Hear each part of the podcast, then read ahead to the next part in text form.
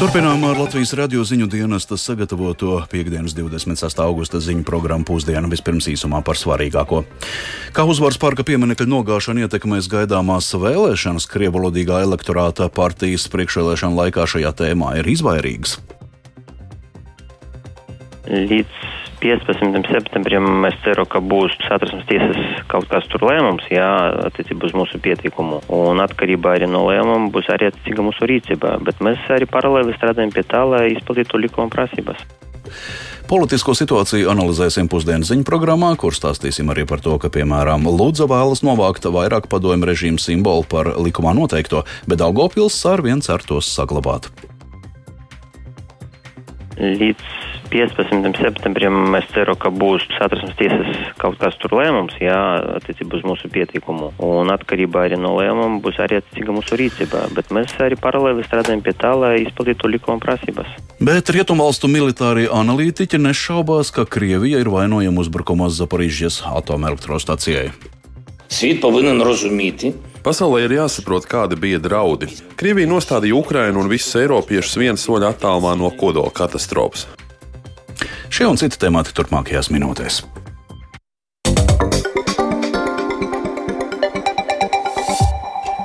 Ir grūti prognozēt, vai uzvaras parka esošā pieminiekta nojaukšana varētu ietekmēt priekšvēlēšana debatas un vēlēšana iznākumu, tā vērtē politikas norišu vēlot, eh, vērotāji.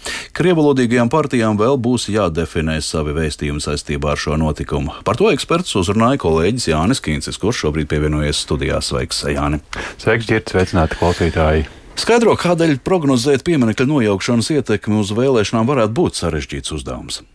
Jā, es vispirms Īsi atgādināšu, ka šovasar Tirgus un Sabiedriskās domas pētījuma centrs SKDS īpašā aptaujā noskaidroja, ka ģimenē krieviski runājošiem Latvijas iedzīvotājiem ap 40% nosoda Krievijas izvērsto brutālo karu Ukrainā, taču vienlaikus vairākums no šiem respondentiem ap 60% neatbalstīja uzvaras parkā esošā pieminiekļa nojaukšanu. Tagad, kad tas ir noticis, būtu jāpieņem, ka sabiedrības daļa, kas iestājās par šī pieminiekļa pārdaugavā saglabāšanu, samierināsies ar tā demonstrāciju demontāžu. Tomēr no vasarā veiktā pētījuma datiem varētu būt diezgan grūti izvērtēt ietekmi uz, uz vēlēšanām, jo daudzi cilvēki šajos jautājumos izvairījās no konkrētas atbildes. Tā, tā nu, to var vērtēt diezgan vien teorētiski. Sarunā Latvijas radio šodien atzina SKDS direktors Arnis Kaktīņš. Paklausīsimies viņa teikto. Pastāv tāda iespēja. Nu, vēlēšanas rādīs. Cilvēki varbūt paklusē, patur mēlēs zobiem un visu aptāju lietu, viņi jau tomēr lielā mērā balstās uz to, ka, nu, ir, ir runas brīvība, ir atklātība, cilvēki vaļsirdīgi, godīgi saka to, ko viņi domā, jā. Ja mēs zinām, ir pamats domāt, ka viņi vairs nesaka, nav vaļsirdīgi un nesaka godīgi, ko viņi domā, tas nozīmē, ka, nu, tu nevari vairs tur visas tās atbildes ņemt pa tīru mantu. Tā Latvijā ir salīdzinoši jauna situācija. Jautājumu par lielākajiem ieguvējiem no pieminiekta demontāžas politologs un Latvijas universitātes profesors Ojārs Skudra atzina, ka šī procesa publiskākā seja ir bijis Rīgas mērs Mārtiņš Staķis no par progresīvo frakcijas, taču viņš saimnes vēlēšanās nekandidē, līdz ar to šeit politiskā politiskais konteksts ir noņemts. Turklāt lēmums par padomi pieminiekļu nojaukšanu pieņēma valdība un saima, un Rīgas pašvaldība ir bijis tikai izpildītājs. Visā šajā procesā zaudētājos varētu būt nosaucama partija saskaņa, kuras retorika pēdējās nedēļās atšķirībā no agrākiem laikiem bijusi teju nemanāma. Pieminiekļu nojaukšana visticamāk vēl bieži debatēs pieminēs nacionālās partijas, tāpat savu veidu ieguvumu varētu būt arī pārējām tā saucamajām krievalodīgajām partijām Latvijas Krievu Savienībai un stabilitātei. Tās savu retoriku varēs atkārtot arī priekšvēlēšana debatēs, uzskata profesors Skudra. Paklausīsimies arī viņa teikto priekšvēlēšanu debatēs, tad, kad sāksies runa par valsts nāciju, politisko nāciju un, un, un latviešu nāciju, ka tur es pieļauju, ka teiksim, gan Krievijas Savienība, gan stabilitātei, nu, tur, kur viņus aicinās tajā diskusijā, ka viņi teiks, ka tas principā ir akts, kas apstiprina latviešu nācijas kā valsts nācijas prioritāti un tām krievu ģimenēm, kurām tur ir radinieki kritušie otrā pasaules kara gados, ka tas tad nevienu neinteresē un tas tiek ignorēts. Nu jā, tad, tā īsumā varētu rezumēt, ka arī eksperti teikto par to, ka priekšvēlēšana debatas un to vēstījumus vēl varētu šobrīd būt nedaudz jāuzgaida. Taču iespējams, ka tieši līdz ar pieminiektu nojaukšanu šis temats kādu laiku aktualitāti būs zaudējis. Jā, paldies. Kolēģis Jānis Kincis skaidroja, kādēļ, uz, kā uzvaras parka pieminiekļa nogāšana varētu ietekmēt gaidāmās vēlēšanas. Latvija ir atbrīvojusies no pretrunīgi vērtētas un padomju pagātnes slavinošas liecības par spīti krievalodīgās sabiedrības daļas iebildumiem. Šādi galvenokārt ārvalstu medijos tiek raksturota vakar notikusi uzvaras parka pieminekļa obeliska demontāža. Vienlaikus tiek norādīts, ka arī Latvijai var nākties rēķināties ar Krievijas pretreakciju.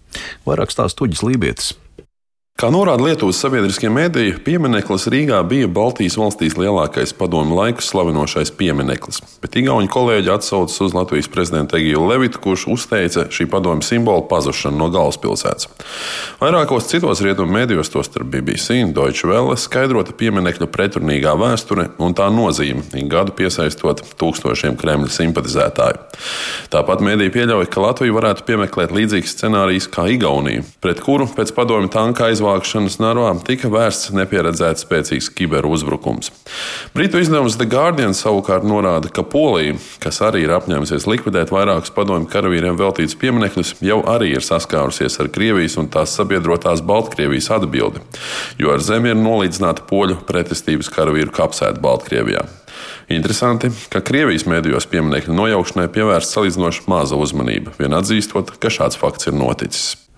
Latvijā ne visām pašvaldībām tik ātri izdodas atbrīvoties no padomju pieminekļiem, kā to paveic galvaspilsēta. Ir pašvaldības, kurās nepieciešamas papildu procedūras, lai aizvāktu padomju režīmu slavinošos pieminekļus. Tikmēr citviet vietvara pati sev rada birokrātisko slogu. Lai kā process ritētu, visām pašvaldībām pieminekļi jādemontē līdz 15. novembrim. Plašāk Lindas Pundiņas ierakstā. 23 pašvaldībām jādemontē kopumā 69 padomju nacistisko režīmu slavinoši pieminekļi, piemiņas zīmes, piemiņas vietas un citi objekti.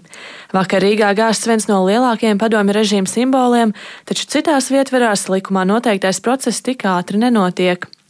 Zināms, ka Daugopils doma jūnija beigās nolēma vērsties satversmes tiesā, apstrīdot pieņemtā likuma pantus par pieminekļu demontāžu. Likums paredz, ka pašvaldībai būtu jāatbrīvojas no diviem objektiem līdz 15. novembrim.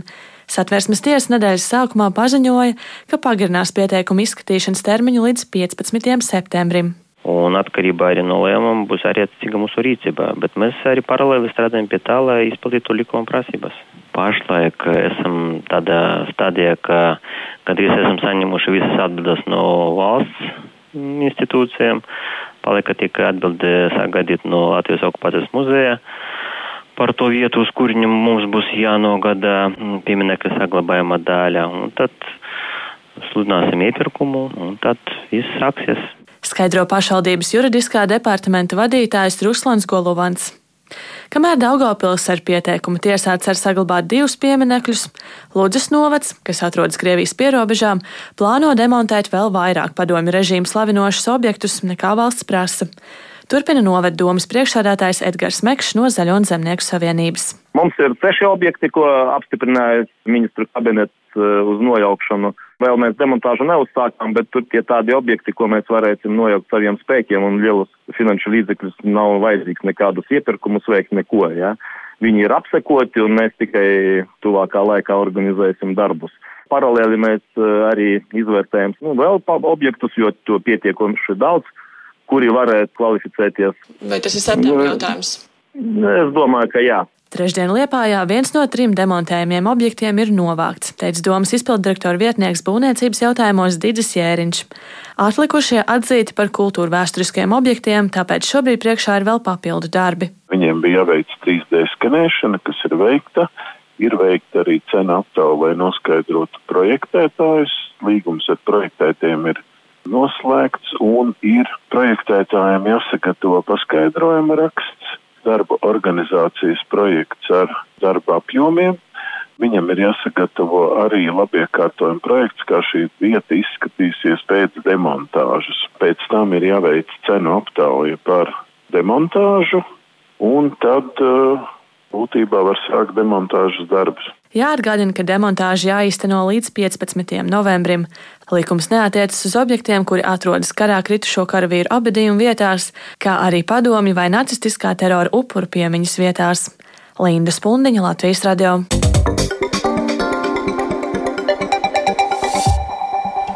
Zaporīžas atomelektrostacijas atslēgšana no Ukrainas elektrotīkla nopietni satraukusi Starptautisko atomenerģijas aģentūru, kas jau tuvākajā laikā gatavojas nosūtīt savus ekspertus uz Krievijas sagrābto spēkstaciju. Ukrainas prezidents Volodimirs Zelenskis apgalvo, ka Eiropa bija tuvu kodolkatastrofai, kurā būtu vainojama Krievija. Rietumvalstu militārie analītiķi nešaubās, ka Krievija ir vainojama uzbrukumos Zaporīžas atomelektrostacijai. Vairāk stāsta Tuldas Česbers. Pasliktinās drošības situācija Zaporīžas atomelektrostacijā, kas ir lielākā Eiropā. Vakar Ukrainas kodolspēkstaciju operators Enerhoatom paziņoja, ka Zaporīžas atomelektrostaciju īslaicīgi atslēdza no Ukrainas elektrotīkla. Tas notika elektropārvades līnijas bojājumu dēļ. Tādēļ bija jāiedarbina avārijas dīzeļģeneratori, lai nodrošinātu atomelektrostacijas darbībai nepieciešamo jaudu. Enerhoatom ziņo, ka šodien turpinās darbs, lai pilnībā atjaunotu divu darbojošos reaktorus reaktoru savienojumu ar nacionālo elektrotīklu. Pārējie četri Zaporižas atomelektrostacijas reaktori nedarbojas jau vairākus mēnešus.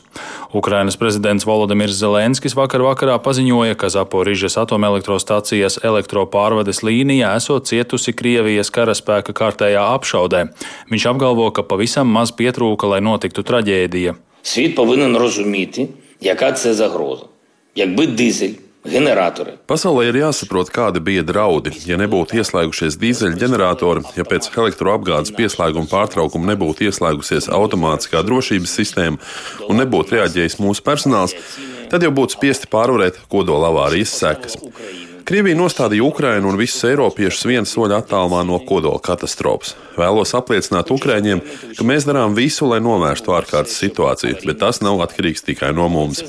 Ir nepieciešams tāds starptautiskais spiediens, kas liks okupantiem nekavējoties aizvākties no Zaporīžas atomelektrostacijas. Starptautiskajai atomenerģijas aģentūrai un citām starptautiskajām organizācijām ir jārīkojas straujāk, jo katra minūte, ko Krievijas militāra personas atrodas atomelektrostacijā, palielina globālas kodola katastrofas risku. Globālnu radiāciju katastrofu. Startautiskās atomenerģijas aģentūras ģenerāldirektors Rafaels Grossi paziņojis, ka viņa vadītās organizācijas ekspertu komanda pavisam drīz varētu doties uz Zaporīžas atomelektrostaciju, taču tam esot nopietni jāsagatavojas. Starters, this is, this is Šī operācija ir ārkārtīgi sarežģīta. Vispirms tur ir jānokļūst. Tā ir kara darbības zona, tāpēc nokļūt tur ir ārkārtīgi sarežģīti. Ir jānodrošina mūsu ekspertu fiziskā drošība, lai uz viņiem nešautu. Mums arī ir jānodefinē misijas mērķi, ko mēs darīsim atomelektrostacijā, kad tur nokļūsim. Plānošanā aizņem laiku. Manuprāt, ir svarīgi, ka visas puses atzīst nepieciešamību nosūtīt mūsu ekspertus pēc iespējas drīzāk. Tam piekrīt Kīva, tam piekrīt Maskava. Es ceru, ka mēs uz turieni dosimies pavisam drīz. Krievija, kuras karaspēks kopš marta sākuma kontrolē Zaporīžas atomelektrostaciju, vaino Ukrainas armiju spēkstacijas apšaudīšanā, taču ASV kara izpētes institūta analītiķi norāda, ka līdz šim Krievija nav sniegusi ticamus pierādījumus tam, ka Ukraiņi patiešām būtu atbildīgi par atomelektrostacijas apšaudīšanu. Viņi arī uzskata, ka tieši Krievija ir atbildīga par Zaporīžas atomelektrostacijas un tās apkārtnes apšaudīšanu. Krievijas aizsardzības ministrs Sergejs Šoigu šonadēļ paziņoja, paziņoja, ka Krievijas karaspēks palēnina kara darbības tempus Ukrainā, lai samazinātu bojāgājušo civiliedzīvotāju skaitu. Lielbritānijas izlūkdienesti to uzskata par apzinātu dezinformāciju, jo Krievijas ofensīva esot apstājusies Krievijas armijas vājā snieguma un Ukrainas sīvās pretestības dēļ. Savukārt aizvakar notikušais Krievijas raķešu uzbrukums Čaplīnai, kur nogalināja 25 cilvēkus, apliecinot Krievijas gatavību nodarīt papildu kaitējumu, ja tā uzskata, ka raķešu un artilērijas triecieni sniedz militāras priekšrocības, uzskata Britu izlūki. Uldis Česberis, Latvijas radio. Reaģējot uz ģeopolitisko situāciju un arī Baltkrievijas hibrīdu uzbrukumu, iekšlietu ministrijā ir izstrādāti un jau iesniegti Eiropas komisijā vairāki projekti par Latvijas valsts robežsardzes stiprināšanu. Plānots paplašināt aizturēto ārzemnieku centru Daugopilī, pielāgot migrantu skrīningu telpu robežsardzes Ludzas pārvaldē, arī izbūvēt migrantu pagaidu uzņemšanas centru. Vairāk stāstīja Iveta Čigāne. Situācija uz Latvijas-Baltkrievijas robežas ir sāsinājusies, un sākot ar augustu nelegālo robežu ķērsotāju skaits sasniedzis šā gada marta līmeni. Valsts robežsardzes Daugopils pārvaldes priekšnieka pienākumu izpildītājs Jurijs Lasovs bažījies, ka gaidāms vēl straujāks nelegālo migrantu pieplūdums. Vidēja diena 12-13 personas, bet, piemēram, 2. augustā un 3. augustā bija grupas 20-25 cilvēki, kuri vienlaicīgi mēģināja nelikumīgi ieceļot Latvijas republikā. Saistībā ar iespējamu Baltkrievijas režīma atkārtoti organizētu hibrīdu uzbrukumu, kā arī Baltkrievijas atbalstu Krievijas izvērstajam karam Ukrainā, augusta sākumā ministru kabinets atbalstīja ārkārtējās situācijas pagarināšanu uz Latvijas-Baltkrievijas robežas. Jurijs Lasovs uzsver, ka palīgā robežsargiem ir devušies policijas darbinieki. Minimums četri valsts policijas amatpersonas sniegs atbalstu mums gan kā mobila patruļa, patrulējot pie robežas joslu, gan kainieku patruļa kopā ar robežsargiem, robežsargu vadībā. Savukārt arī bija lūgums Nacionālajiem bruņotajiem spēkiem sniegt atbalstu, bet, diemžēl, Nacionālajie bruņotie spēki uz šo brīdi nevar sniegt atbalstu, jo viņam savas aktivitātes. Latvijas robežai nepieciešama visaptveroša pieeja, lai stiprinātu iespējas gan rēģēt uz šādiem uzbrukumiem, gan arī vispār kontrolēt migrācijas plūsmas, uzsver iekšlietu ministrijas valsts sekretāra vietnieks Kaspars Sāboliņš. Turpinās aktīvs darbs un konsultācijas ar Eiropas komisiju par to, vai un cik lielā apjomā Eiropas Savienība varētu piešķirt līdzekļus šo projektu īstenošanai, jo vēlos atgādināt, ka tā, protams, ir Latvijas ārējā robeža, un, protams, mums šī robeža ir jāsargā, lai stiprinātu savu iekšējo drošību, bet tā vienlaiks ir Eiropas Savienības ārējā robeža. Arī Jurijs Vlasovs atzīst, ka ir nepieciešama robežsardzes kapacitātes stiprināšana, tostarp arī aizturēto ārzemnieku izmitināšanas centra Daugopils, kur pašlaik atrodas 35 cilvēki, paplašināšana. Kad saspīlējas situācija, kad, kad to nelegālu imigrantu skaits ievērojams vai liels, kad mūsu centrs nevar uzņemt tādu skaitu. Izmantojam pat valsts policijas izolātoru otru stāvu, bet nu, tas, manuprāt, nav gluži korekti, tas ir pagaidu risinājums. Šobrīd iekšlietu ministrijai izvērtētie un sagatavotie projekti par aizturēto ārzemnieku centra Daugopils paplašināšanu un migrantu skrīninga telpu pielāgošanu valsts robežsardzes Ludzes pārvaldē, kā arī migrantu pagaidu uzņemšanas centra izbūvi, ir iesniegti Eiropas komisijā, lai saņemtu finansējumu šo projektu īstenošanai. Iveta Čigāne, Latvijas radio studija Latgalē.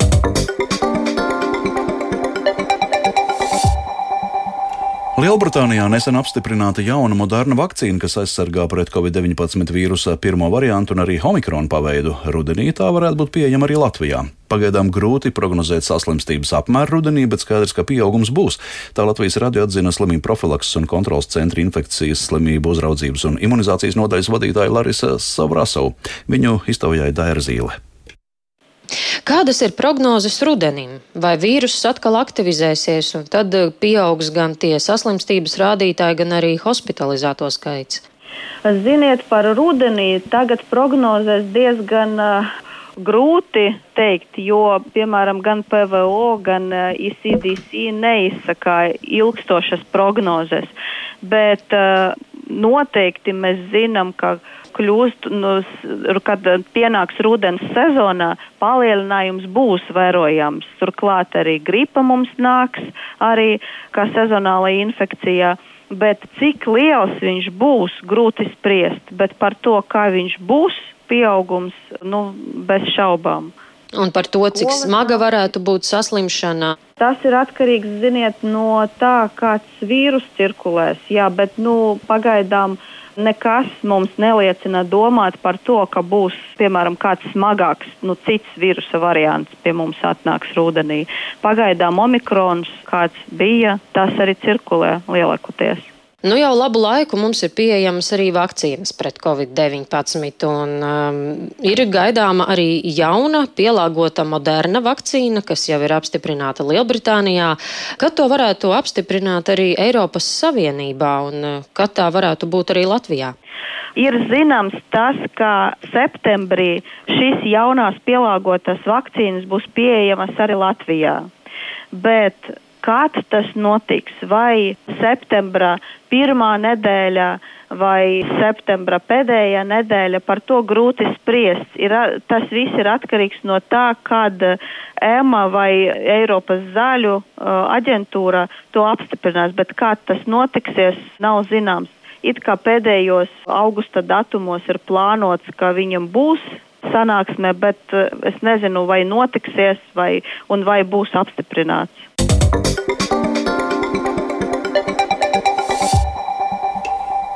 Pašreizējie Latvijas čempioni futbolā RFS aizvadītajā vakarā pārrakstīja Latvijas futbola vēsturi, kvalificējoties UEFA konferences līgas grupu turnīram. Tā ir tikai otrā reize, kad kāds no Latvijas klubiem iekļuvis Eiropas grupu turnīrā.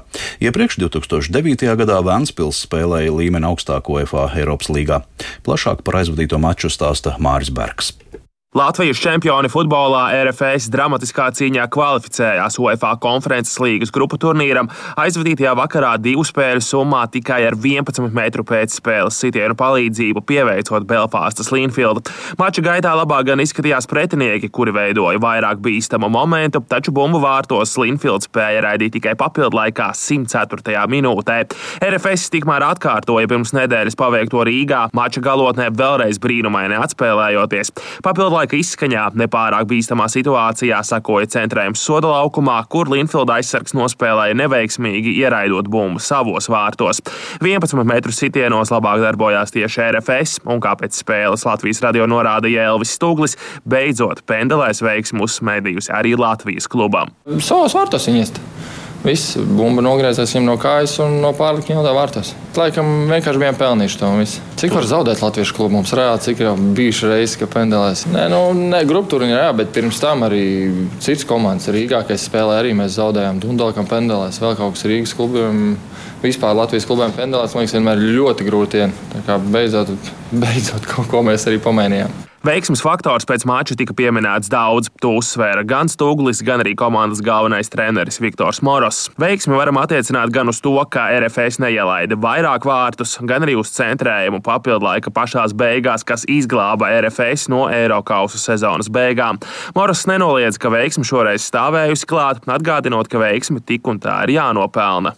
Jā, protams, es ticu veiksmei, bet arī vienmēr spēlētājiem tā teicu, ka nezinu, kā tas izskatās futbola dievs vai veiksme vai kaut kas, bet to veiksmi jānopelnā. Jā, tikai strādājot, tikai tā nebūs veiksmi tikai tāpēc, ka šodien ir veiksmīga diena un tikai tāpēc.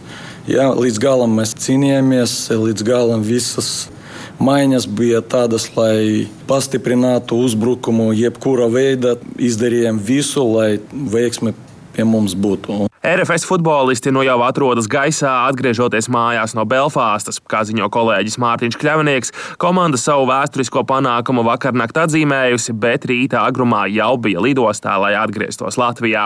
Šodien RFS nākamais svarīgais notikums - pusčetros pēcpusdienā noskaidrosies, pret ko viņiem būs jāspēlē UEFA konferences līgas grupu turnīrā, kas sāksies jau septembra vidū. Māris Bergs, Latvijas radio. Līdz ar to izskan 26. augusta ziņu programma Pusdiena. To producēja Edgars Kopčs, par labskaņu rūpējās Krišāns Stikāns un Kristaps Roņģis, studijā Ģercauzāns. Vēl īsi par svarīgāko. Pagaidām vēl nav skaidrs, vai uzvaras parka pieminiekta nogāšana ietekmēs gaidāmās vēlēšanas. Krievulodīgā elektorāta partijas priekšvēlēšana laikā šajā tēmā ir izvairīgas. Ne visām pašvaldībām tik ātri izdodas atbrīvoties no padomju pieminekļiem, kā to paveic galvaspilsēta. Ir pašvaldības, kurās nepieciešams papildu procedūras, bet citur vietvara pati sev rada birokrātisko slogu.